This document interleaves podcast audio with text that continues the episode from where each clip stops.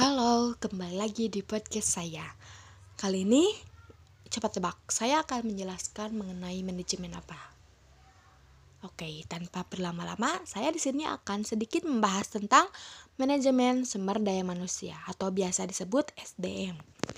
Uh, eh, manajemen SDM sendiri ini merupakan ilmu atau cara bagaimana mengatur hubungan dan peranan sumber daya atau tenaga kerja yang dimiliki oleh individu secara efisien dan efektif serta dapat digunakan secara maksimal sehingga tercapai tujuan atau goal bersama perusahaan, karyawan, dan masyarakat menjadi maksimal.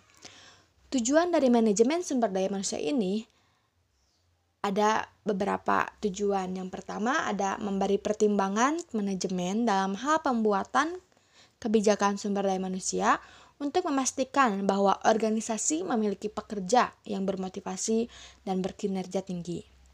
Yang kedua, ada membantu dalam hal pengembangan strategi organisasi, khususnya berhubungan dengan implikasi sumber daya manusia.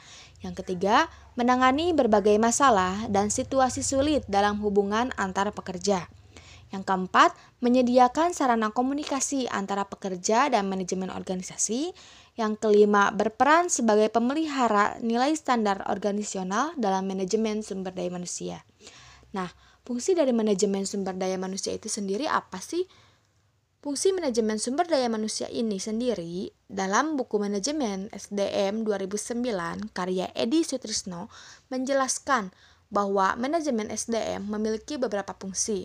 Yang pertama ada perencanaan, yang mana perencanaan merupakan kegiatan memperkirakan tentang keadaan tenaga kerja agar sesuai dengan kebutuhan organisasi. Nah, kemudian yang kedua ada pengorganisasian yang mana kegiatan ini untuk mengatur pegawai dalam bentuk badan organisasi. Bentuk pengorganisasian ini biasanya menetapkan pembagian kerja, hubungan kerja, delegasi wewenang, integrasi, dan koordinasi. Yang ketiga, ada pengarahan dan pengadaan, yang mana kegiatan ini memberi petunjuk kepada pegawai untuk mau bekerja sama dan bekerja secara efektif dan efisien demi tercapainya tujuan organisasi.